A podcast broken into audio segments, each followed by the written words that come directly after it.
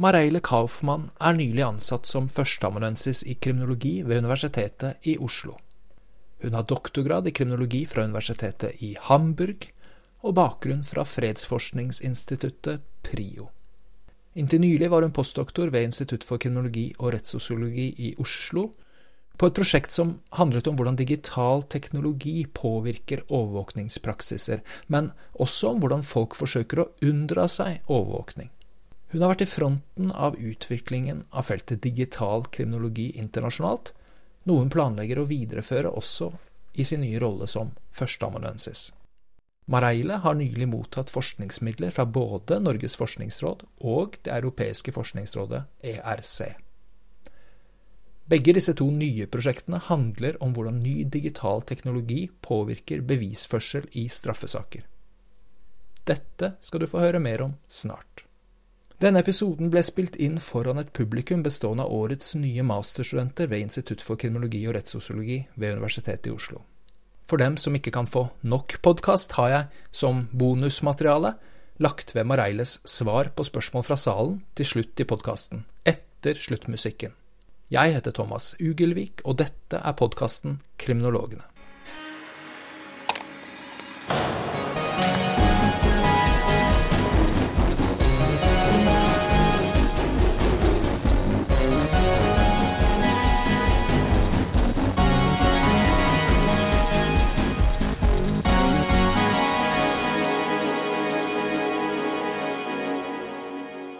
Mareile Kaufmann, velkommen til podkasten Kriminologene. Er du en kriminolog? Ja. Nå er jeg det. Akkurat. Hva, hva tenker du på når du sier 'nå er, er jeg det'? Ja, det er en lang vei, du. Det er, eh, og det er litt sånn en eh, litt sånn skjønns, skjønns, skjønnsgreie å, skjønne om man, man, er kriminolog eller ikke. Jeg har jeg vet for at På papir er jeg det nå. Og kanskje også i PC, som systemet her fra Universitetet i Oslo, så er jeg offisielt nå en kriminolog. Men uh, ja, hva er en kriminolog? Det er jo mange forskjellige veier inn i kriminologi. Så, uh, og jeg har gått en av de. Så, og nå er der at jeg tenker jeg, jeg, kan kalle meg en kriminolog. I hvert fall sier jeg det til mine naboer når de spør. Ok, bra. Sånn at Her er det i hvert fall tre ting i spill. Sånn at uh, Dels så bruker du kriminolog, som en sånn tittel overfor andre mennesker. Ikke sant? Så de spør hva driver du med, og sånn. Det er sånn de blir kjent med hverandre ofte. Nab nye naboer og sånn. Jo, jeg er kriminolog, sier du. Fint. Mm. Bra. Så du selv identifiserer deg utad. Liksom. Du, du, presenterer deg på den måten. Da, i hvert fall. Ja. Men så sier du 'jeg har blitt det nå'.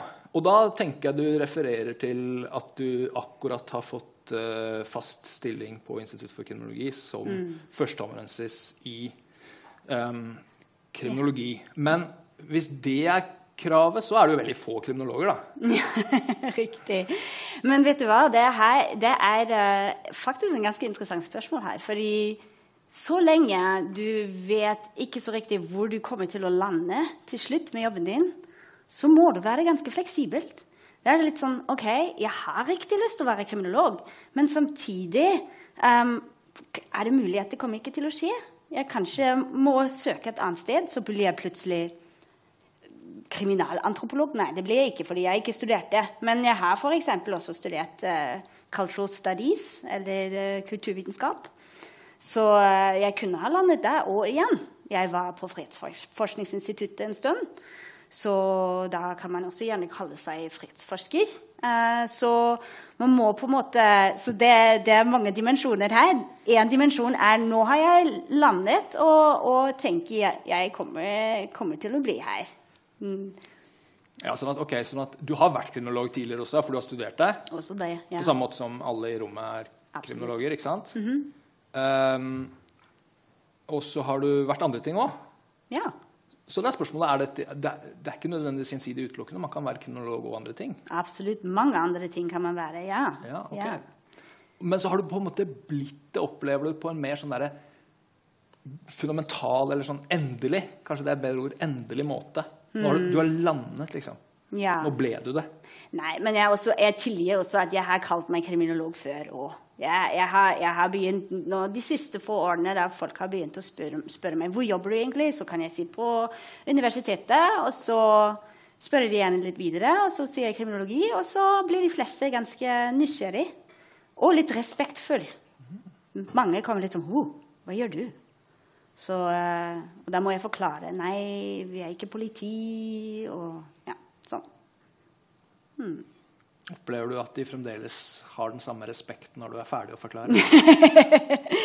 ja, faktisk de fleste er veldig interessert, fordi de, de visste ikke at uh, kriminologi sånn sett virkelig eksisterer. Ofte, hvis, hvis, de kommer fra en sånn akademisk bakgrunn selv, så skjønner de det ofte. Men uh, hvis du først ja, møter folk og introduserer deg, så syns de fleste egentlig at det er en ganske spennende fag. Og har litt lyst til å vite mer om det. Ja, mm, absolutt. Um, enkelte av de som lytter på oss, vil kanskje allerede ha tenkt tanken at du um, har en bakgrunn uh, fra et annet land enn Norge. Riktig. Um, kan du fortelle liksom litt mer om veien din inn til norsk kriminologi og dette instituttet? Ja. Hvor begynner jeg? jeg er fra Berlin opprinnelig, så jeg er tysk. Og, um, og er, det, er, det, også en historie om veien min inn i kriminologi, eller bare norsk kriminologi? Nei, det kan kanskje være ja, det, det, er jo et interessant spørsmål. altså... Ja, er, er, er, tysk kriminologi og norsk kriminologi? Oh, tysk kriminologi og norsk kriminologi. Ja, så jeg, har, jeg, har, jeg, endte opp med å studere kriminologi i Hamburg. Fordi det er en av de få stedene faktisk i Tyskland hvor man kan studere det. Og, eh, og, det var gøy, og jeg ble ferdig med det. Og var litt sånn hmm, uh, Ja, jeg var sammen med uh, en nordmann, uh, som man kan forestille seg. Så hadde jeg litt lyst å, å, komme meg til Norge, men jeg måtte bare først få en jobb. Så jeg har faktisk ikke begynt med en gang å gå videre i kriminologi. Jeg var egentlig ansatt i en, en type stiftelse eh, som er med sånn etiske, eh, etiske, ideer. Så jeg jobbet der en stund, faktisk med med barn. Eh, og, og, formidle toleranse og sånne ting. Og så ja, eh, hadde jeg litt lyst å, å komme meg til Norge pga. min nå mann. Og, og, jeg sa til han ganske tidlig sånn Jeg kommer ikke bare, bare for deg, du. jeg har litt lyst til å gjøre noe Jeg har litt lyst til å gjøre noe med mening. Der. Så jeg, jeg, fikk faktisk, da jeg ble ferdig med studium, jeg fikk den mulighet å få en sånn stipend og komme meg inn eh, til Fredsforskningsinstituttet PRIO eh, i fire, fire, måneder. Og det har jeg gjort. Så kom jeg på, på dette stipendet hit, og så var det mulig å komme meg inn i en doktorgrad. Og den har jeg faktisk da tatt be be på begge deler, Fredsforskningsinstituttet og på eh, kriminologi i Hamburg. Og så, da jeg ble ferdig, ble ferdig med det, så um, ble jeg allerede ganske god kjent her med den norske kriminologien. Og jeg var veldig interessert i å gå videre. Um, videre i en retning som, er, uh, som fortsatt uh, tillater uh, det å jobbe med sikkerhet. Var, jeg har jobbet under min doktorgrad mye med sikkerhetsspørsmål. Um, og, men samtidig gå litt mer tilbake til kriminologi selv. Og da kom en postdoc-stilling her, og den har jeg søkt på. Og den fikk jeg, og jeg var superheldig. Fordi jeg kan bare si det var første gang i livet mitt det føltes sånn at jeg hadde bare skrevet noe i, sånn, i den søknaden som en prosjekt som jeg, jeg, hadde bare lyst på. Jeg hadde ikke noe med i dette prosjektet som jeg hadde ikke lyst på. Jeg har bare valgt det. Det skal jeg studere. Det skal jeg gjøre i fire år. Og at den fikk sånn, ja, valgt inn i instituttet, så da, da var jeg helt sånn Wow! Nå gjør jeg bare ting jeg har lyst på i framtiden. Så, så, så, det var virkelig, det var virkelig vel, en veldig viktig opplevelse for meg. Ja. Og så, ja uh, Nå sitter jeg her, og jeg, jeg føler meg veldig privilegert og Og har fortsatt uh, på en måte samme jobben. Samme jobbeskrivelsen. Jeg gjør bare det jeg har planlagt og har lyst på. Så ja. Mm. Men ok, så Det var interessant å uh, høre. Altså, du ble jo på en eller annen måte eksponert for norsk kriminologi allerede mens du studerte uh, faget i Tyskland. Da. Hva slags ja. inntrykk fikk du da? Hva var det du fikk vite? Nils Kristi fikk jeg vite. Så det var det. Det var sånn, ja, mer som den uh, kritiske kriminologien. Det er det som Norge er kjent for i Tyskland, i hvert fall. Og, men Tyskland har òg en ganske, eh, ganske kritisk eh, ja, bakgrunn i kriminologi, tenker jeg. Vi er mer f.eks. Her er vi jo tilordnet eh, jusfakultetet, men i Tyskland så er vi egentlig mer en sosiologi eh, i sosiologifakultetet. Og det legger man merke til, spesielt i Hamburg. Der er det en ganske sånn uh, ja, venstreaktiv eh, forskning, på en måte. Så, så, eh, så det føles allerede der eh, at vi er ikke superulike. Men vi har fortsatt også sikkert I Tyskland har vi sikkert litt mer innslag også fra den tyske sosiologien i det hele tatt. så da har man ja, litt mer sånn de de, ja, de teoriene og den type bakgrunn. Ja, men ja, så, så fikk man Ja, man hørte, hørte litt om, om, dette feltet her fra før. Ja, absolutt. Så Det er et veldig interessant spørsmål. det der, fordi at uh, Man kan stille spørsmål liksom, hvordan, på hvilken måte blir norsk teknologi påvirket av at vi administrativt og liksom er plassert på juridisk fakultet. Mm. det hadde jo ikke tenkt å være sånn.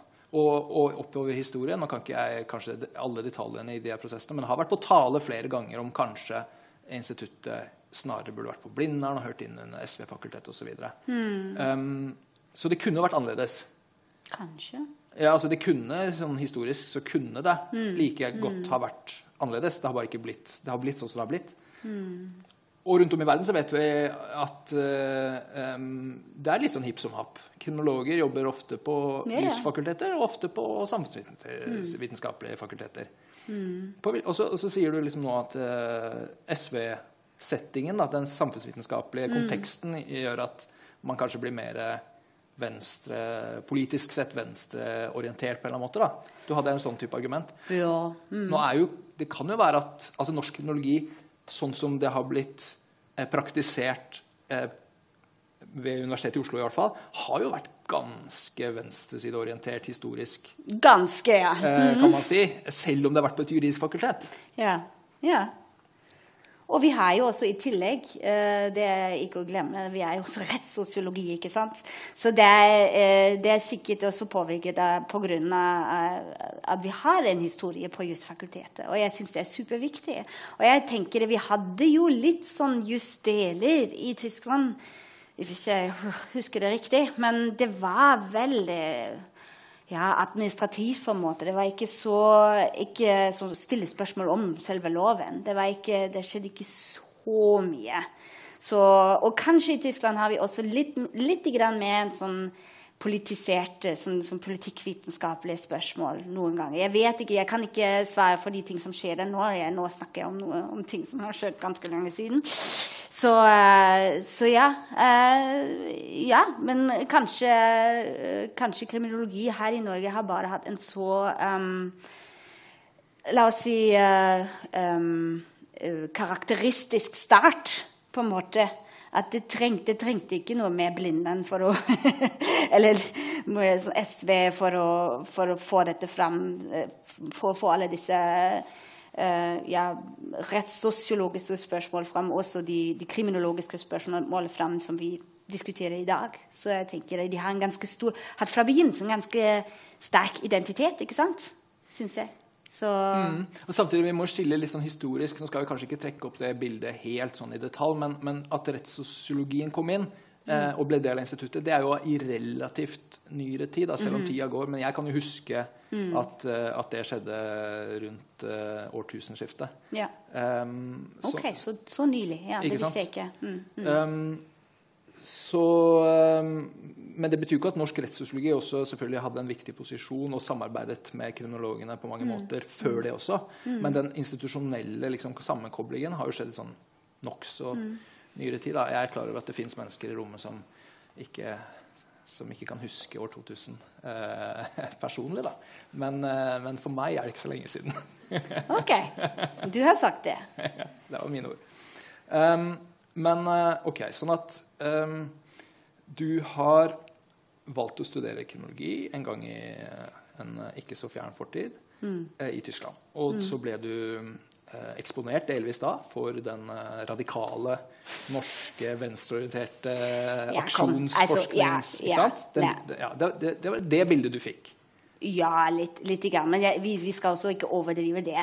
Nei. Ja, Vi har hørt om Nils Kristi, og, og det var det. Det var ikke sånn, Jeg har bestemt meg at jeg må ende opp i livet mitt på det norske kriminologiske instituttet. Det var ikke det. Så det, ja, vi har det med på kanoen. Mm. Ja, ja. Eh, nei da, det var ikke sånn jeg tenkte. Men du hadde nå i hvert fall det, et slags bilde med deg. Mm. Eh, og, mm. uh, før du av helt andre grunner i livet ditt eh, fikk lyst til å oppholde deg Komme meg til Norge. Til Norge. ja. eh, men så har du jo liksom etter litt om og men og arbeidet andre steder og sånn, så har du jo kommet til instituttet, da. Ja. ja. Hvordan var det bildet du hadde, kontra den, den virkeligheten du møtte? Nå må jeg passe nesten litt på hva jeg sier. For jeg, jeg har inntrykket da jeg kom, og det er jo ikke så lenge siden Så kanskje det er fortsatt sånn The wounds are still open. I don't know. Men uh, jeg hadde inntrykk at man var ikke så helt ferdig med historien her. Det var litt sånn det var sikkert en eller annen vanskelig situasjon hvor folk har sagt ifra at de er ikke helt enig i det som uh, den gamle, den gamle hvordan den gamle kriminologien har vist seg fram. på en måte. Og jeg, jeg, var jo helt sånn Jeg var helt blank der. Eller jeg hadde ingen, ingen, peiling, så jeg kom meg inn. Og første ting jeg sa, var litt sånn Jeg har lyst til å etablere en lesegruppe om kritikk og alle var litt sånn Hvorfor foreslår du det nå?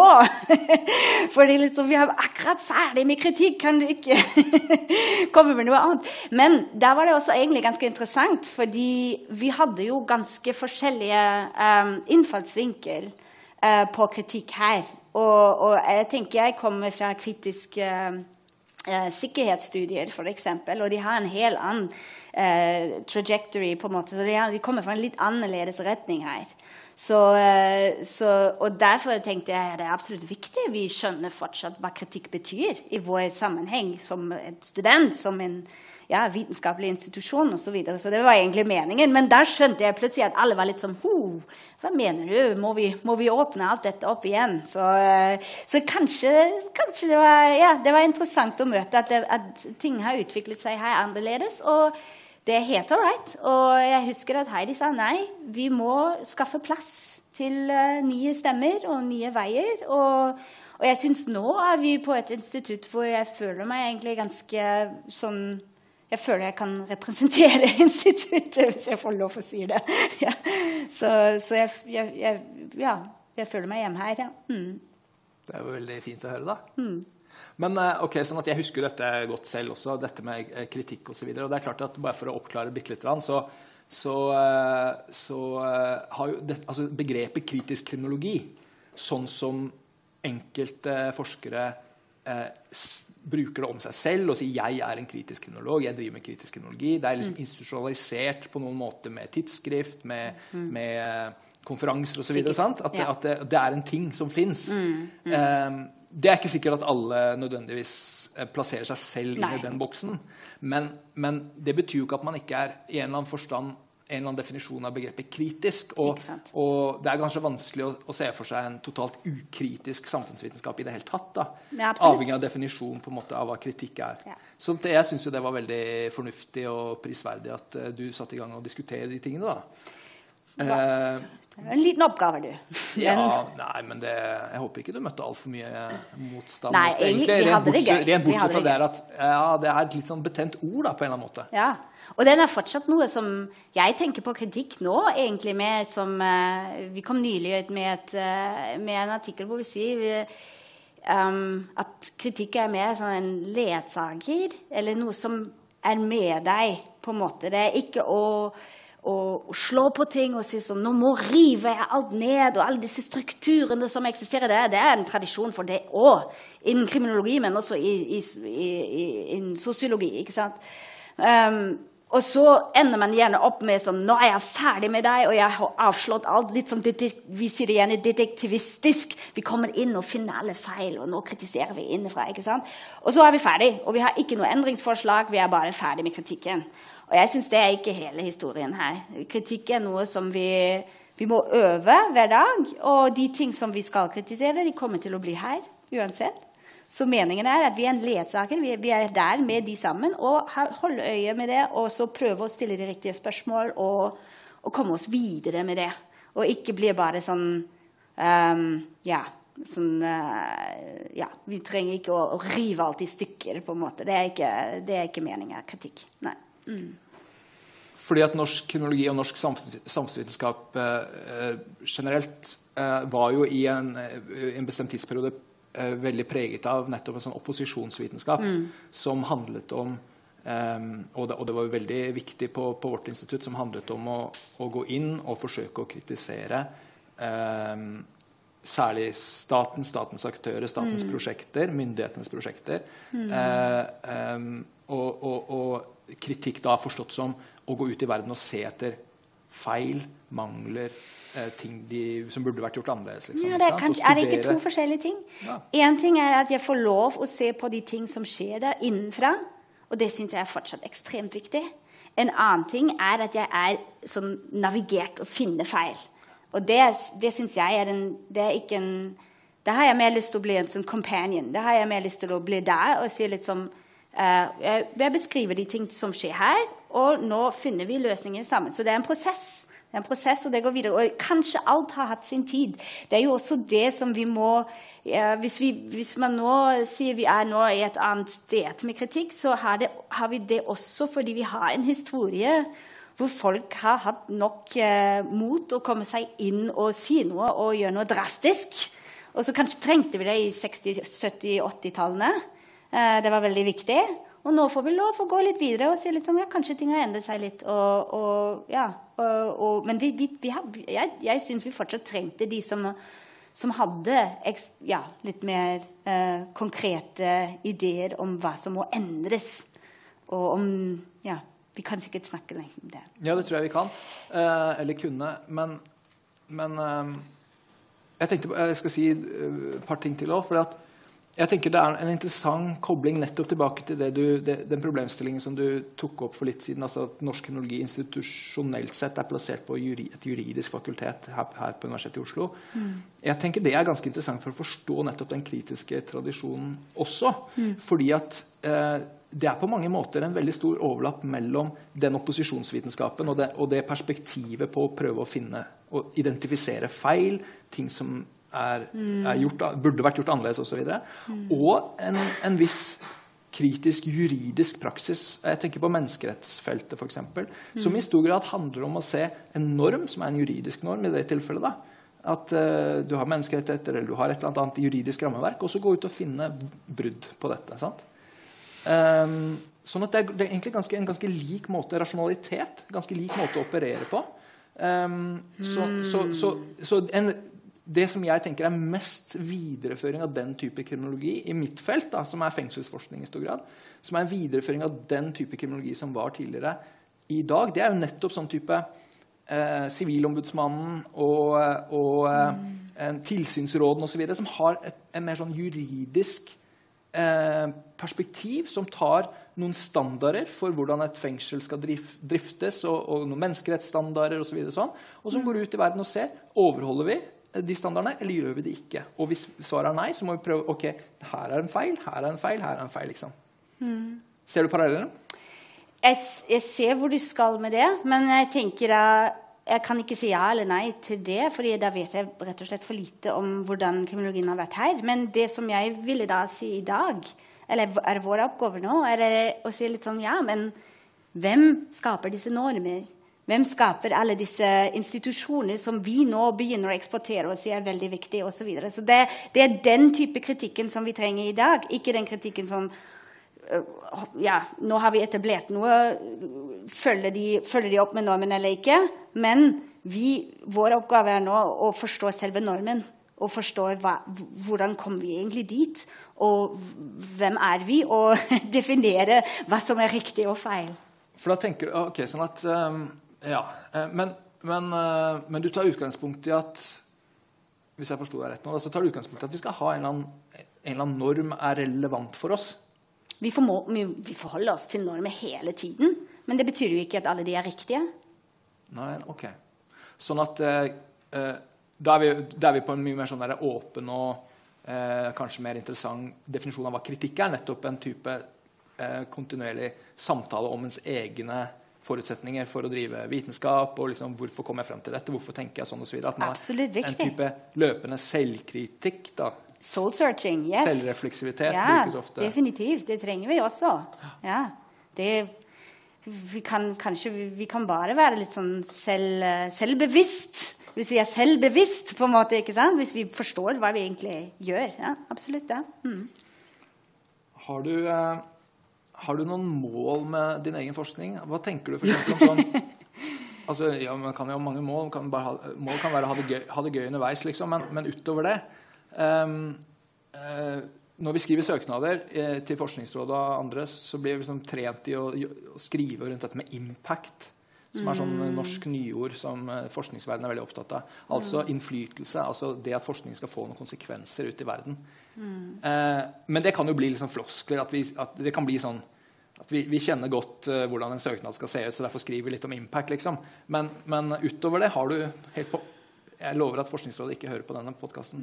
For fremtidige søknader. Har du på ordentlig noen mål med forskningen din?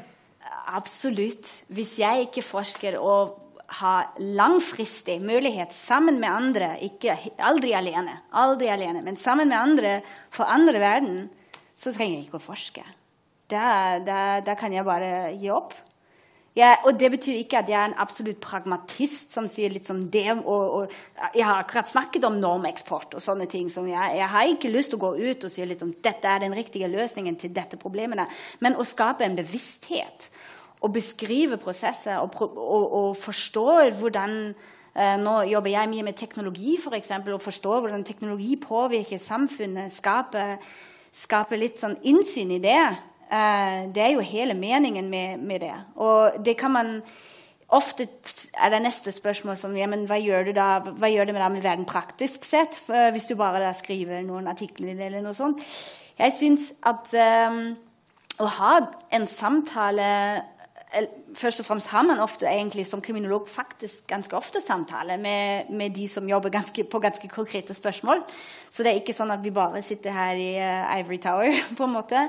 Men uh, samtidig er, er jeg, tror jeg også at um, hvis eh, vitenskap langfristig kommer til å også ha en sånn type innflytelse i samfunnet Uh, selv gjennom uh, vitenskapelige publikasjoner osv. Fordi vi skaper en diskurs, vi skaper en samtale. Vi skaper noe som, som forandrer hvordan folk kommer til å se på ting. Det, det, tenker jeg. Og det tar tid også. Den, og, det, og, det, skjønner jeg. Um, men på den liksom litt sånn generelle måten så tenker jeg vi ikke kan unngå å forandre verden. da. Uh, uansett om vi vil eller ikke, så lenge vi på en eller annen måte produserer noe tekst eller deltar i en samtale eller sitter og snakker sammen sånn som vi gjør nå, mm. i hvert fall når noen faktisk lytter, eller ser i hvert fall sånn ut at de lytter, um, så, så, kan vi ikke unngå å forandre verden på en eller annen måte. da. Så lenge man agerer i verden, så forandrer man verden på, på en, på en sånn veldig overordnet måte. sant? Ja, ja. Men, men, men uh, det kan jo på en eller annen måte Så det kan vi ikke unngå. Uh, nesten. Men eh, mange forskere har jo du... mer spesifikke eller mer sånn derre tydelige, definerte målsetninger. De ønsker ikke bare å forandre verden ved å delta i en slags samtale og skape en sånn Skape mm. at, at, det skjer en at prat skjer, liksom. Det er, mm. det, er, det er, noe mer. Man ønsker å endre den institusjonen på den måten. Nå ja, Men vet du hva? Vi, vi skaper jo også ganske konkrete plattformer, f.eks. For, for, for spesifikke stemmer. Så for meg var det viktig uh, Jeg har nylig jobbet uh, med et prosjekt hvor jeg har snakket med barn faktisk, om hvordan de uh, forholder seg til hemmelighet Fordi hemmeligheter er også en stor uh, hemmelighet. Vi snakker ofte om CIA og sånne agencies som har sine sånn, intelligence services, sånne ting. Men barn har også hemmelighet. Hemmelighet er en stor del av våre liv. Så jeg hadde litt lyst til å forstå det. Og da var meningen for meg eksempel, Jeg har lyst til å skape en plattform til barn hvor de kan snakke om disse ting. Men samtidig også, og det syns jeg var veldig utfordrende, eh, ofte når vi er ferdig med et prosjekt så har vi jo noe som skal skrives, eller uh, policy briefs eller andre ting som man gir tilbake til de man har jobbet sammen med, så man kan vise fram. Se her, det fant jeg ut. Er det ikke viktig? Men så satte jeg meg til målet som ok, jeg har også litt lyst til å gi tilbake til barn. Hvordan gjør du det? Ja, jeg kan jo ikke komme liksom, jeg here, read my policy papers. Du kommer til å forstå det seinere. Sånn. Så jeg måtte på en måte finne en mulighet å snakke med barn og da fant jeg en illustratør, og jeg har sagt ok, dette her er betydninger for hemmelighet for barn. Så la oss oversette disse ting, disse funnene jeg hadde, i en små comic. Det har vi gjort. Jeg gikk tilbake med de. Ingen peiling om de barn har skjønt noe eller ikke. Men uansett, jeg prøvde meg å snakke med de. Jeg snakker også med kunstnere. Og jeg hadde litt lyst i mine neste prosjekter å komme sammen med kunstnere og F.eks. skape kunst. Ja, kriminologer får lov å gjøre det òg. Jeg har også jobbet med hackere. Og, og mm, hackere de har gjerne en sånn ganske vanskelig reputation i samfunnet. Enten så er det de som uh, gjør feil og er forferdelige, og de må uh, We need to hunt them down, på en måte. Og ellers så er det de sånn etiske hackere som gjør det riktig og jobber for, uh, for staten. Og så, og så, er det da viktig for hvilken stat de jobber, osv. Så, så, og så Dette der var f.eks. litt for enkelt for meg. Jeg var ikke fornøyd med det, fordi hackere har en helt annen tradisjon, i hvert fall i Tyskland. Og da hadde jeg f.eks. litt lyst til å gi litt løft til de i mitt forskningsfelt. Til de som hacker, fordi de er ikke enig i visse normer av eh, online surveillance som, eh, eller online overvåking som eksisterer i dag. Og da var det viktig for meg å løfte, løfte fram deres syn, f.eks. Mm. Men vi kommer straks eh, til den artikkelen som eh, jeg tenkte vi skulle snakke litt mer eh, mm. grundig om, eh, Mareile. Gjerne. Um, men uh, tilbake til, til, bare bitte litt tilbake til spørsmålet om liksom um, dette med mål for forskning og impact eh, osv. Personlig så må jeg si at i mine aller mørkeste øyeblikk så lurer jeg fælt på om eh, det har noen som helst eh, Altså om forskning eh, som regel har noen som helst innflytelse på noe som helst. Okay. så yeah. jeg, jeg, føler ikke akkurat alltid mm. det, da. Og jeg har tenkt litt mer sånn at jeg, jeg kan ikke For du sa, du sa veldig sånn tydelig eh, Hvis jeg ikke hadde trodd at jeg kunne forandre verden, så hadde det ikke vært noe vits. Eh, Men jeg var da ikke bare jeg, vet du. Nei. Det var jo det jeg mente, at det, man gjør det aldri alene. Nei, nei. Og det mener jeg altså med å skape en plattform. Jeg skaper ikke nå en plattform til sånn Jeg var ikke den eneste som jobber på sånne typer hackere, f.eks. Så det, det mener jeg jeg, jeg har samme, samme følelse. òg. ja, hvem er jeg at jeg tenker at jeg skaper plattformer? Nei, meningen er egentlig at uh, man må jo ha sånn en overordnet mål at vi alle sammen kan få det fram. Og jeg er forhåpentligvis ikke den eneste her. Så, så det, det, er det man den, Det kan jeg love dere allerede hvis dere jobber, jobber i vitenskap. Den daglige impacten av 'det har jeg gjort i dag' den er veldig vanskelig å si. Det tar gjerne noen år til man ser noe. F.eks. til en artikkel kommer ut. Det tar jo gjerne sånn to år. eller noe sånt. Så til man virkelig ser et resultat i det første, det kan ta tid. Så, så ja, jeg skjønner, jeg skjønner hva du sier. Absolutt. Vi får komme tilbake til det når vi planlegger vår respektive fratredelsesforelesning. Da er vi 70 år, så kan vi si hva var det jeg fikk til. Ok, all right. Eller kanskje bedre å ikke, ikke tenke sånn. Du har jo veldig sånn bredt felt av forskningsinteresse. Litt hackere, litt barn litt, altså, ikke sant? Veldig mange forskjellige prosjekter. Eh, fra ditt perspektiv, som, som da, da, anser jeg nettopp at du er egnet for at du, har, liksom, du må ha nødvendigvis liksom overblikk du, da, fordi at du holder på med veldig mange forskjellige ting. Hva, hva tenker du er det, liksom, det største norske forskningshullet nå? Hva, hva, hvor er norsk kriminologi helt fraværende hvor vi burde ha vært? Hmm, vet du hva, Jeg begynner bare med, først med min standardsvar. og det er litt sånn alt som Det virker som jeg er litt som all over the place med mine tema. Men det jeg driver med, egentlig er eh, noe som jeg ville kalle digital kriminologi. Så det betyr at vi mm, som kriminologer må begynne å skjønne eh, rollen til det digitale i alt mulige prosesser i samfunnet som er relevant til oss. Og, og jeg syns da vi fortsatt en god jobb å gjøre. Jeg, jeg, vil ikke si at det ikke eksisterer ikke, og det har blitt skikkelig on vogue i det siste å skrive om algoritmer og AI, kunstig intelligens, disse ting. Så det er veldig, veldig kult nå at mange, mange, forskjellige disipliner begynner med det nå.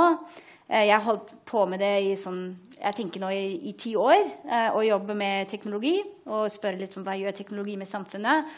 Og det syns jeg er noe som vi fortsatt kan gjerne jobbe mer på. Uh, så det er, og da snakker jeg ikke bare om ganske konkrete spørsmål. Ja? Så for eksempel Nå har vi nye enheter i politiet, vi, vi, har nye lover, vi har nye Uh, nye, type, nye, former for overvåking som foregår i samfunnet osv. Så, videre. så de, de, alle de kan gjerne fortsatt forskes på. Men jeg syns også at vi må etablere dette her som um, et, med en egen teori og egen, som et eget felt, Synes jeg. Det er noe som, uh, som, jeg er i hvert fall veldig opptatt med, og det er egentlig det også som, som knytter alle mine prosjekter sammen til slutt. Så, uh, så, selv om jeg snakker med barn om hemmeligheter, så har det noe med overvåking og med data og med informasjon å gjøre. Så ja. Så da fikk du lansert et forskningshull, og så fikk du øyeblikkelig plassert deg selv midt inn i det der. Det var jo veldig elegant. Eh, tenker du at det er noen forskningshull som du ikke personlig skal ta deg av? Ja. Egentlig er det samme forskningshull. Fordi det er, det er, så mye som kan gjøres her fortsatt. Um, og um, man må jo også Ja. ja som har du lyst til å høre alle de felter som jeg ikke tenker å jobbe med i framtiden, eller? eller hva, hva, er spørsmålet? Det er ikke først og fremst det du skal jobbe med, men det er først og fremst det, jeg tenker mer, liksom, Her sitter du foran et rom med fremtidige mm. folk som kanskje skal eh, skrive mastergrader og doktorgrader og fortsette en lang vitenskapelig karriere. hva vet jeg. Eh, hvor er det vi skal styre dem inn? Er liksom, hvor er det behov for disse menneskene? Å komme da nå med konkrete temaer er litt, uh, er litt vanskelig, syns jeg, fordi det er uh, mm, Kan være så konkret du det, det, ja, det passer ikke å, å, si akkurat der syns jeg har vi behov nå. Uh, mm, men bare for å snakke om mitt eget felt, så syns jeg er det abs absolutt viktig at vi, for, vi, først og fremst alle fortsatt får en bevissthet over det uh, som egentlig skjer med samfunnet akkurat nå. Mm. Ja, som, og, og, og, når en gang vi har den bevisstheten, så kan vi faktisk som kriminologer fortsatt få lov til å snakke i et felt som, som har f.eks. Med, um, med lovgivning på dette feltet å gjøre vet ikke om den lovgivningen er ofte noe som kommer igjen litt som reaktiv, kommer igjen litt som i etterkant av noe som, en utvikling som har skjedd. Så kommer loven litt sånn et, i etterkant. Og, eh, og, da er det ofte veldig relevant at eh, smarte folk som dere sitter der og har stilt disse spørsmålene i forkant og har litt tenkt over det. Hva er egentlig en god, en god lov å ha eh, for å regulere nye utviklinger i samfunnet osv. Så, videre. så Så det er det er sikkert noe som vi kommer ikke til å eh, miste. Eh, jeg vet f.eks. også ikke innen kriminologi, og spesielt ikke innen norsk kriminologi, um, om store politiske um, forhold. Og, og, jeg kommer jo fra en bakgrunn også, eh, ikke minst i sikkerhetsstudier. Og jeg syns dette her med, med, de store politiske forhold mellom spesielle land det er jo, vi, er, vi, lever i en ganske anspent verden, og vi ser gjerne på sånne mikroprosesser. Nå har vi noen i kriminologi som ser også på de store internasjonale rettssaker og sånne ting. Men jeg tenker at akkurat det politiske og det kriminologiske de kan også gjerne møte hverandre enda litt mer, syns jeg, og, og, forstå hva som skjer da. Men uh, ja, kanskje der slutter jeg akkurat nå. mm. Mm, bra. Mm. Eh, vi kan gå rett videre til, eh, til, en studie som du har gjort. Um, jeg har fått en artikkel av deg som, uh, som jeg har lest på forhånd. Um, som vi kan snakke om litt mer sånn konkret. Da. Den heter 'Hacking Surveillance'. Ble publisert i fjor vel i et tidsskrift som heter First Monday. Mm. The Peer Review Journal on the Internet. Og den syns jeg var veldig, veldig interessant lesing. På, for jeg, jeg, opplever at den gjør sikkert flere ting, om, men den gjør i hvert fall to ting samtidig.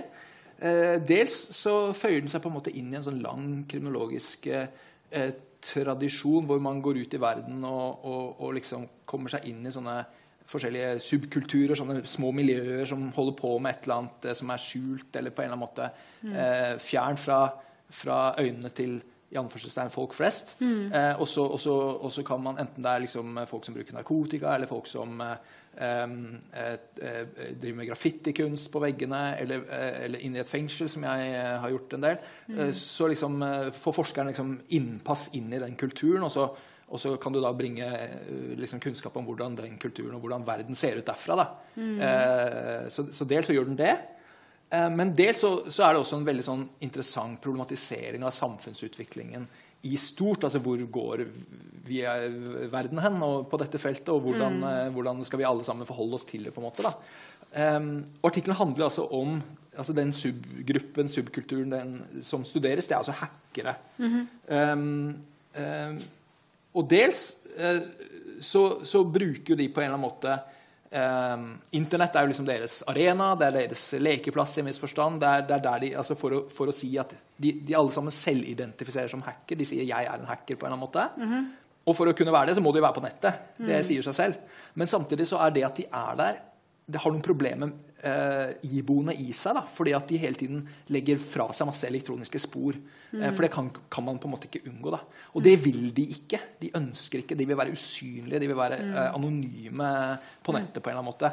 Eh, det er i hvert fall et slags virker som et ideal. Og så går du gjennom de strategiene som mm. de har i sin verktøykasse, for de er jo mer enn gjennomsnittet flinke til, eh, til teknologien her og, og kjenner mm. liksom mulighetene som, som man har.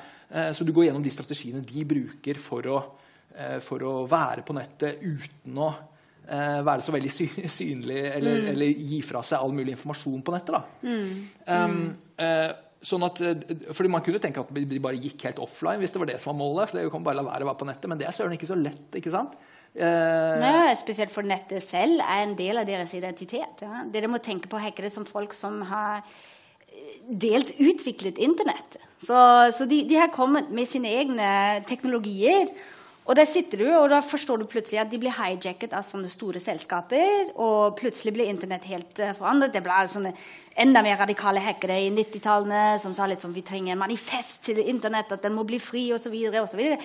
Nå syns jeg egentlig Ville det være vilt å bare spørre sånn Kan du være så snill gi opp uh, Internett? Ja, det finner vi òg. Vi finner jo de som sier oh, uh, jeg skjønner nå at alle de store følger alt jeg gjør, så derfor gjør jeg digital detox. Jeg, jeg må komme meg vekk fra nettet og, og, uh, ja, og begynne å, å, stille spørsmålstegn, eller jeg, jeg, jeg går offline og sånne ting. Men det er vanskelig for hackere, for de sier men heng on, heng on, det er min identitet. Det er en del av meg. Så jeg kan ikke bare gi det opp. på en måte. Og der er det ikke bare å forsvinne eller bli usynlig til det de har ikke eh, lyst til å bli sett på. Men det er også hele meningen er å også utvikle på en måte en type holdning til nettet. Til, og det har jeg lyst til å lære fra hackere. Eh, en holdning til teknologi, en holdning til Internett. Og si litt sånn Ja, OK. Um, vi trenger ikke å følge alle de reglene som de store har sagt, satt opp. og, og eh, sånn, sånn, må man forholde seg på nettet. Nei, man kan jo bruke alt mulige tjenester på alt mulig forskjellige måter. Og så kan de, uh, har de forklart til meg hvordan de bruker uh, ja, forskjellige um, tools online på, måte, på, på forskjellige måter. Én uh, ting er at det er gøy. En annen ting er en del av deres identitet. ikke sant? Å stille spørsmålstegn og si litt om kan det ikke også funke annerledes. Men eh, samtidig er det også, eh, har det noe med holdning å gjøre. Eh, at man sier litt sånn Jeg har ikke lyst til å bli uh, nødvendigvis um, sperret inn av de normer som andre store selskaper dikterer meg online.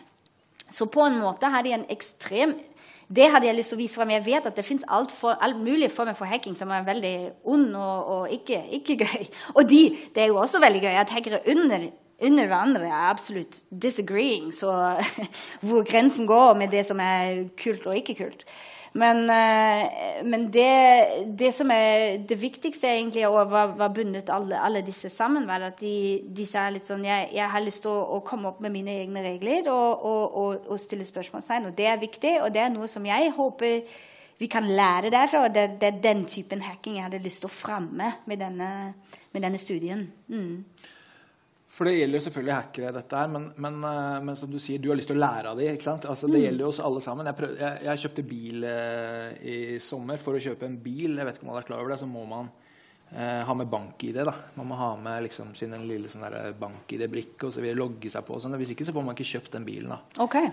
Eh, jeg, jeg, kunne kanskje prøvd og opponert mot det og sagt at uh, nei, jeg vil ikke det, men her har du cash. Mm. Uh, rull med penger sånn uh, Ja, det liker de sikkert. Ja. Nei, jeg vet ikke om de, Kanskje de hadde nekta? Ja, kanskje de har nekta. Du, du går ikke an det. Nei.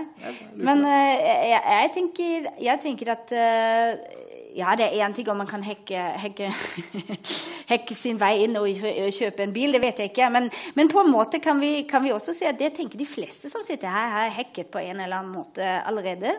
Uten å, uten å, virkelig være bevisst over det. fordi man, Så fort man begynner å bruke en ting som egentlig er ment til noe annet, så har man jo begynt å ha den type mindset og si litt som OK, hvorfor må jeg ha mm, Hvorfor må jeg bøye meg eh, hvordan eh, at leppestift bare brukes på leppene. Eller jeg vet ikke. Ja, så, så, så man, man, kan jo eh, ja, ta, ta det, stille litt spørsmålstegn og sånne ting. Det kan vi lære fra hekkene. Det kan vi åpenbart lære alle sammen fra hackerne. På den annen side blir jeg litt sånn Altså det, er, det, er, fort gjort å, å, se det i sammenheng med på en måte Big Brother og, og sånn eh, orwelliansk fortolkning av storebror eh, ser deg hele tiden og registrerer alt om deg og vet alt og vet mer enn deg selv osv. Og, så videre, og kan bruke dette på, mm. på snikende måter til å forme måten du tenker på osv. Så sånn. Mm. Men er det ikke litt paranoid òg, da?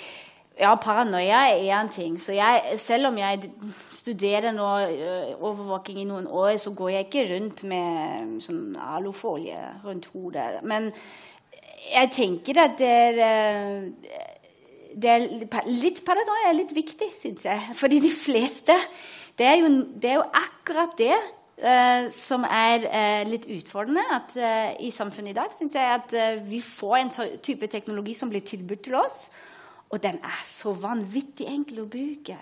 Fordi vi sender våre data hele tiden, og de går litt sånn 'Å ja, sånn gjør de det. Ja, de gjør det rett før de går til sengs. Ja, da må vi ha dette og dette funksjonen i tillegg.' Og, så og på en måte kan man tenke sånn 'Å ja, det er jo gøy. Det er jo bare utvikling og engineering og kult.' Men samtidig er det akkurat å hacke det, akkurat å forstå det, at eh, de bruker min informasjon til å lage noe som på en måte også har en innflytelse på meg å, komme seg inn i dette, seg inn i akkurat denne, denne dynamikken, det syns jeg er en, uh, en uh, det er en politisk oppgave. Og jeg syns det er noe som noe de fleste av oss fortsatt må gjøre. Ja.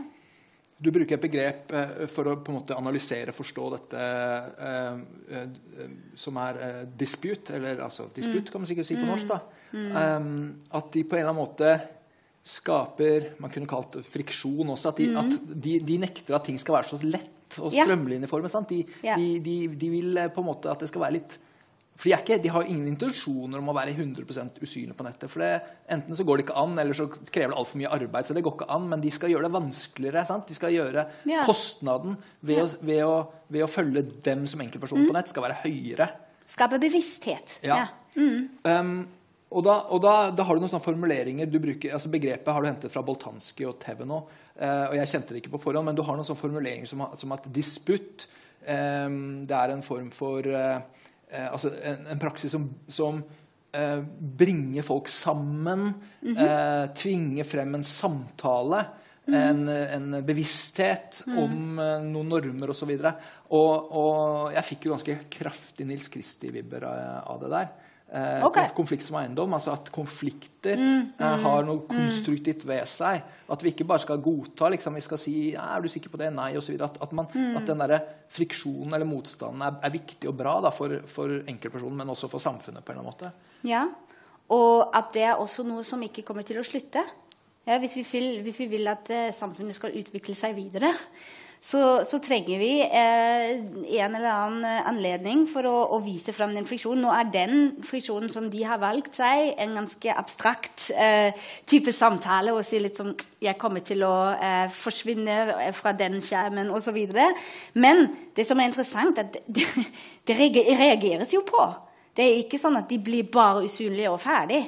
Det er litt som ok, nå kom de med den type utviklingen, så svarer, svarer andre, så teknologiutviklere igjen på det, osv. Så, så, så, så det er på, på, en abstrakt måte er det en samtale. Det er en, en, en type fiction. Og, og, igjen, meningen er ikke akkurat å, å, skape en løsning til alt, å bli ferdig og slutt, men å komme seg videre.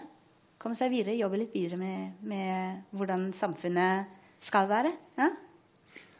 Har du hatt noen kontakt med disse her folka i, i, etterkant, Mareile? Det, det, lurte jeg litt på. fordi at uh, på en eller annen måte, du er jo litt sånn altså, Det er veldig vanskelig å være tryllekunstner, magiker, i dag. da. Fordi at uh, For 20-30-40 år siden eller 100 år siden så kunne du lage disse triksene, og så kunne du få publikum liksom, eh, slått ut av de, Hvordan får de til dette? sant? Men i dag så ligger det forklaringer på alt på YouTube. da. Hvis, du, går og ser en, hvis du går og ser en magiker, så kan du etterpå så kan du gå hjem fra forestillingen så kan du søke opp alle triksene på YouTube og så kan du se hvordan de gjorde det. Ja, det eh, og, du, du, og, du, publiserer jo triksene til disse folka, gjør du ikke det? Ja, men det er jo på, grunn av, og på samme grunn for å vise fram. Det er en friksjon som er positiv. ikke sant? Det, jeg har spurt meg det. jeg har spurt meg Det også. Det er litt sånn å, å, å, Nå kommer jeg til å faktisk sitere folk og dens vei og, og bruke f.eks. Kan gjerne si det, jeg har jo publisert det. ja, og, og, vise fram eh, bilder i stedet for eh, ord osv. Ja. så alle disse ting Um, da, da, følte jeg meg også litt sånn oh, nå avslører jeg ting. Men først og fremst er det litt etisk å spørre i for, forkant om en får lov å dele viss type informasjon. Og eh, for det andre eh, abstraherer man jo, man sam sammenfatter hva som skjer.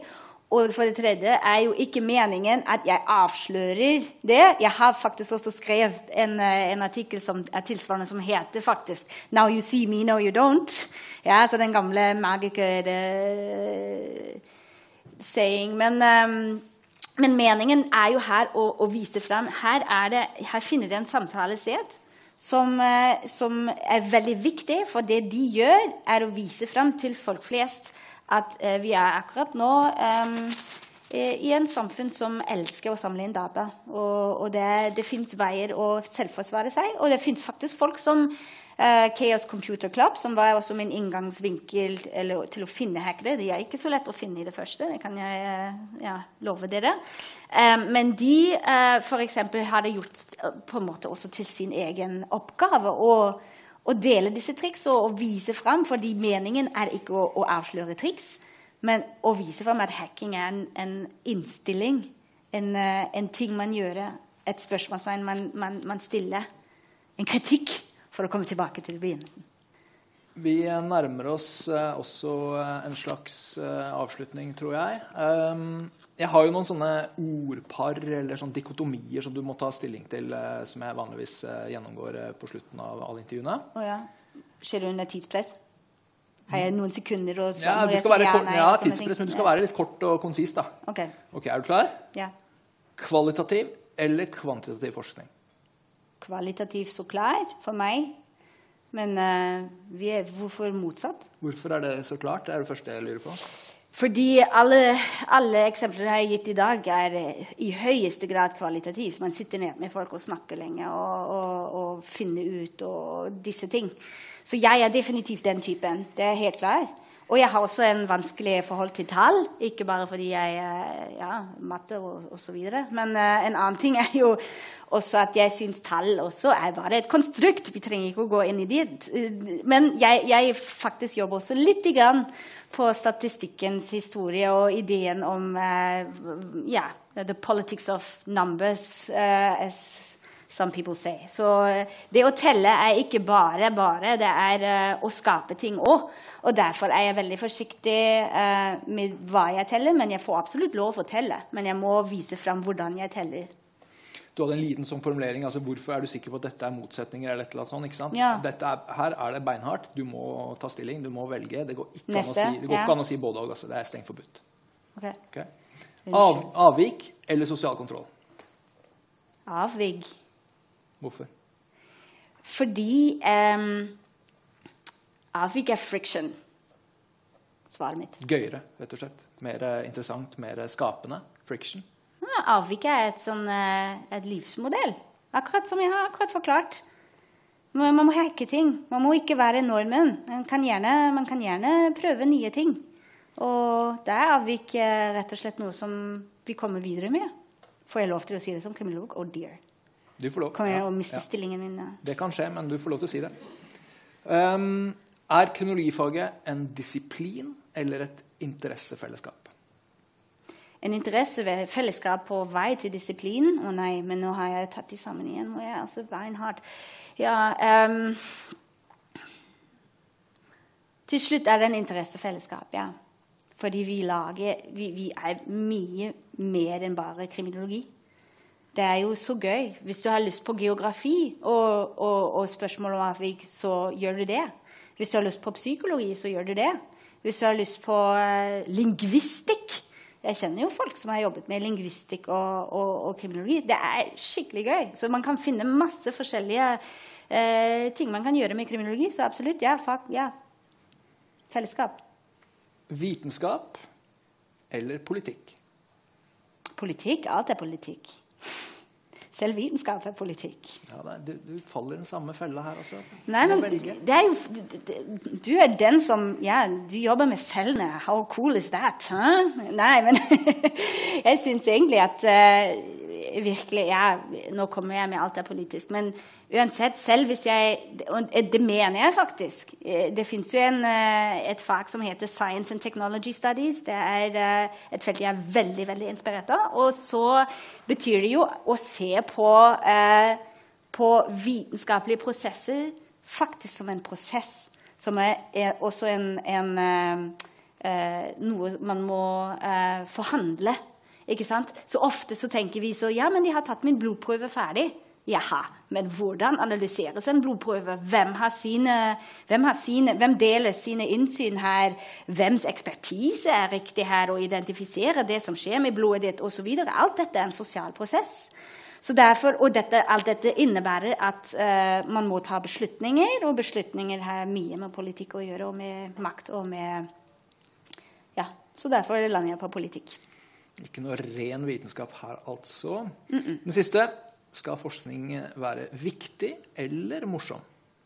Oh, oh. Nå sitter studentene her, og hvis jeg sier 'viktig', så begynner de å gråte alle. Og, mm, ja, men det må være viktig. Det må være litt viktig. Så hvis Men- du må velge, så velger du viktig. Ja. Ja.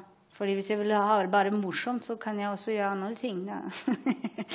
Men eh, jeg, jeg syns mitt felt er morsomt også. Så, eh, som jeg har sagt i begynnelsen, jeg synes det ikke men hvis man, hvis man setter seg litt ned og tar det på alvor, men man skal finne ut, så, eh, Morsomt har du det ellers også, så hvis du først skal jobbe, så kan det være viktig. så kan det også være litt morsomt. Men, ja. men det er litt, litt viktigere enn det er viktig jeg gjør. Jo, eller? Gjerne for meg. Opp til deg, det. Ja. Bra, Marelle. Hvor eh, går veien eh, videre? Hvilke planer har du fremover? Ja, jeg kommer til å jobbe på to forskjellige prosjekter nå. Um, Og begge to handler igjen om eh, tall og måling og digitalisering. Så det er ikke så overraskende. Men eh, det handler om kroppen, spesielt DNA og forensikk. Det er sånn et felt som vi i det siste har begynt å se litt mer på på IKRS. Men uh, jeg syns det er også et felt som Apropos forskningshull. Uh, kriminologien har ikke sett så særlig mye på for nå. Og jeg hadde litt lyst til å, å, jobbe med det. Så jeg kommer til å se hva som skjer med digitalisering av DNA. Så ja, ja, ja, deres DNA kan bli oversatt i digitale data. Og så fins det nå maskiner som f.eks. Eh, bruker DNA-prøver og prøver å få fram hvordan personen kommer til å se ut. Alt dette er ekstremt mye fiction inn der. Det er ikke så mye fakt. Men det blir litt, gjerne litt solgt som en vitenskap òg. Og det som er interessant for meg, er vitenskap eller ikke. Dette her allerede forandrer politiarbeid og forandrer hvordan eh, forensikk eh, skjer. Og det er et felt jeg kommer til å se på nærmere. Mm. Det høres uh, veldig spennende ut, uh, Mareile. Lykke til uh, videre, og tusen takk for at du ville være med i podkast. Takk. Selv.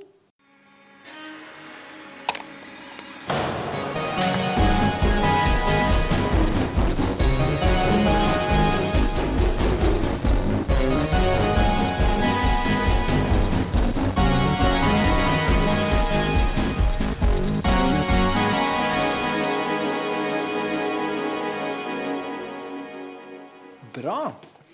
Da er spørsmålet om det er noen som har noen spørsmål. Eh, jeg lurte litt på om du ser på hvordan eh, politikk og kapitalisme påvirker teknologier i samfunnet i dag? Om det er et interessefelt du har? Mm. Ja, man, nesten ikke, man kan nesten ikke unngå det. Eh, ikke at jeg er en stor kapitalismeforsker i det hele tatt. Eh, men eh, nå er jo eh, de store teknologiselskapene eksisterer jo mest for å ja, skape penger. eller mest, man kan nesten tenke at dette har blitt så tett flettet sammen, dette feltet, at man kan nesten snakke om at, at dataene våre, eller dataene som man produserer, er verdi i seg selv. Har verdi i seg selv. Og det skaper en egen økonomi, faktisk. Så ja, eh, jeg har sett litt på det. Jeg hadde hatt en samtale med eh, Shoshana Sobov, som var her i Oslo eh, noen måneder siden. Eller på, ja, on the screen. Og hun har, eh, hun har, skrevet en bok om 'surveillance capitalism', som overvåkingskapitalisme, som kom nå også ut på norsk. Og, og det, det, det, er hun veldig konkret og veldig detaljert på hvordan, eh, hvordan disse to henger sammen. Og, ja, og det, jeg tenker det er noe som man er vanskelig å unngå hvis man først begynner å se på, på disse strukturene. Men ja, Det er ikke mitt hovedfelt, men man må være bevisst over det. Og man, man, man må være bevisst over det at eh, ja, det er et eh, samspill av private og, uh, og, offentlige aktører, alt dette som skjer med, med teknologi i dag. Mm. Eh, det var litt vanskelig å komme på spørsmål å stille, og det er kanskje litt enkelt. Eh, men du holder jo på med mye ja, som du kalte datakriminologi. Mm. Og data innebærer jo mye kunnskap om teknologi. Er det noe du har hatt hele tiden, eller er det mye du må kunne for å kunne forstå det du forsker på? Mm. Ja, det, det, er faktisk et superspørsmål. Fordi um, de fleste Noen av disse ting man skriver om, blir ganske geeky. Så det må man, uh, må man skjønne, skjønne litt. Um, men jeg forteller gjerne at jeg blir plutselig uh, Ja, eller veien inn til uh, f.eks. hackerstudiene var ganske Jeg hadde ikke studert noe i det hele tatt uh, om hacking fra før. Og så begynte jeg plutselig med å, å snakke med dem og prøve å rekruttere dem. Og så um, følte jeg egentlig litt sånn hm, De svarer egentlig ikke på mine spørsmål. Jeg må svare på deres spørsmål. Hva har skjedd? Og da var det sånn at uh, det, det, var litt sånn Hva er uh, relasjonen mellom uh, overvåking og politikk? Så måtte jeg svare på det. Og så fikk vi lov å snakke videre hvis de var fornøyd eller ikke. ikke sant? Eller en, husker jeg, spurte meg Eller prøvde meg i å ha en, en samtale samtidig mens jeg, jeg, installerte en helt ny program på PC-en mitt. Uh, som jeg syns er ikke alltid så, så enkelt. Så, så, for meg var det veldig spennende å, å, sitte der og ha en samtale mens jeg måtte klikke på alt mulig og se at alt er riktig osv. Og, og så begynte jeg å spørre deg, en, en av de hackere, og, og var litt sånn Kommer de tester de meg, eller hva skjer her? Og så sa han faktisk ja. Det er litt som en CAPTCHA-test fra vår side. Vi har bare lyst til å forstå hvor mye du forstår, og uh, om vi har lyst til å snakke med deg videre. Det er litt som en sosial CAPTCHA-test. på en måte. Og da var det litt sånn, ok, da måtte jeg gå gjennom de først for å komme meg inn. Og sånne ting hadde jeg f.eks. ikke peiling om. Men samtidig vil jeg gjerne oppmuntre alle uansett å kaste seg inn i disse ting. Kanskje er alle, Vi er ikke alle de samme, så kanskje folk har lyst til å forberede seg litt mer på ting enn jeg gjør. Men jeg syns det er absolutt viktig å lære under prosessen, fordi da kunne man faktisk oversette det at jeg var overrasket og, og var testet i, min, i, forhold til min teknologiske kunnskap. Uh, jeg kunne bruke dette for å skjønne mer hvordan f.eks. hackere fungerer. Eller hvor, eh, fungerer, de fungerer ikke, men hvordan, ja, hvordan de tenker osv. Så, videre. så det, det, jeg syns man, man, kan begynne å, å, å, studere det uten å vite så mye om det, fordi man, man kan bruke dette som en vei inn i et felt. Og um, man skal ikke være engstelig. da. Og de som ikke har lyst til å snakke med deg, de kommer ikke til å snakke med deg. Det skjer. Eh, det er jo bare fordi vi skal skrive master nå, men har du noen tips til hvordan eh, man kan gjennomføre et intervju hvor du ikke er eksperten på området? Hvordan man skal forholde oss til det? Du sa jo litt om det, men litt sånn mm, Ja. Hvor man ikke er ekspert Eller når er man en ekspert på noe? Det er jo et stort spørsmål i, det, i seg selv. Så um, mm, Nei, ja, litt, lite grann må man um, kanskje først lese, lese, seg litt inn i feltet. Det, det hjelper definitivt. Um, men um, det kommer litt an på hva du har lyst til å finne ut. Ikke sant? Så hvis du ikke er et ekspert på et felt, så, er, så gjør det ingenting hvis du vet ja, men jeg må ikke um, f.eks. finne ut hvordan en viss teknologi fungerer osv. Da, spør du bare om det. De, de, som kan det, på en måte. Så, så um, kom deg på en måte, det, det er bare å komme deg fra ditt ståsted. Hva er viktig for din oppgave å vite? Det må du være ekspert på, fordi det er du som skriver oppgaven. ikke sant? Så, så, så hva, hva, må du vite? Hva, hva, er det som du må vite? Og da eh, de, de, fleste er ganske åpne og har lyst til å snakke uansett. De, I hvert fall de som melder seg tilbake. Um, jeg, jeg, har opplevd veldig, veldig lite at folk um, virkelig sier ingenting. at en, en, politisamtale som var herlig Det er litt som, som bruker dere disse og disse teknologier.